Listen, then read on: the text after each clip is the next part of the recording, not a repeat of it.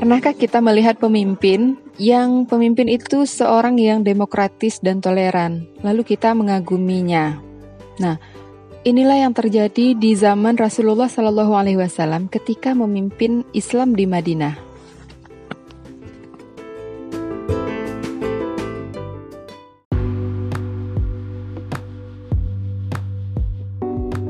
Kota Madinah sebelumnya dikenal dengan nama Yastrib dia merupakan pusat perdagangan.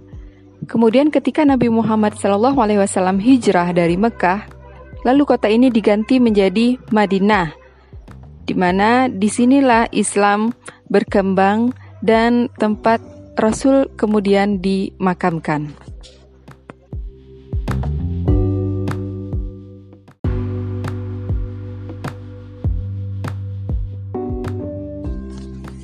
Apa saja yang dilakukan Rasul sesampai di Madinah?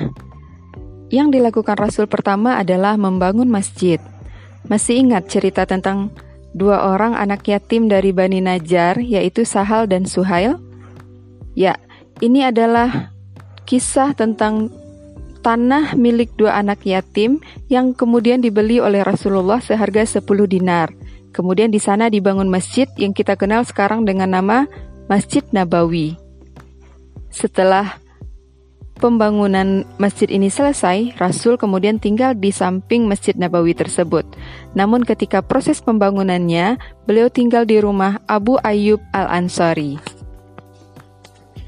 Yang kedua yang dilakukan Rasul adalah mempersaudarakan kaum muhajirin dan ansar. Yang ketiga, Langkah atau strategi yang dilakukan Rasul adalah mengikat kaum muhajirin, ansar, dan seluruh kabilah yang ada di kota Madinah, dalamnya termasuk orang-orang Yahudi, yaitu Yahudi yang terdiri dari Bani Qainuqa, Bani Nadir, dan Bani Quraizah.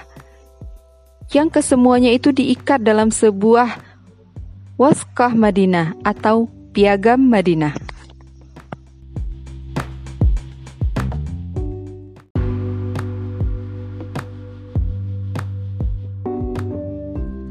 Peristiwa hijrah ini juga mengajarkan kepada kita adanya toleransi dan tolong-menolong yang dilakukan oleh kaum muhajirin atau mereka yang berhijrah dengan kaum ansar, yaitu kaum yang menolong. Mereka ini adalah orang yang menetap di Madinah sebelumnya.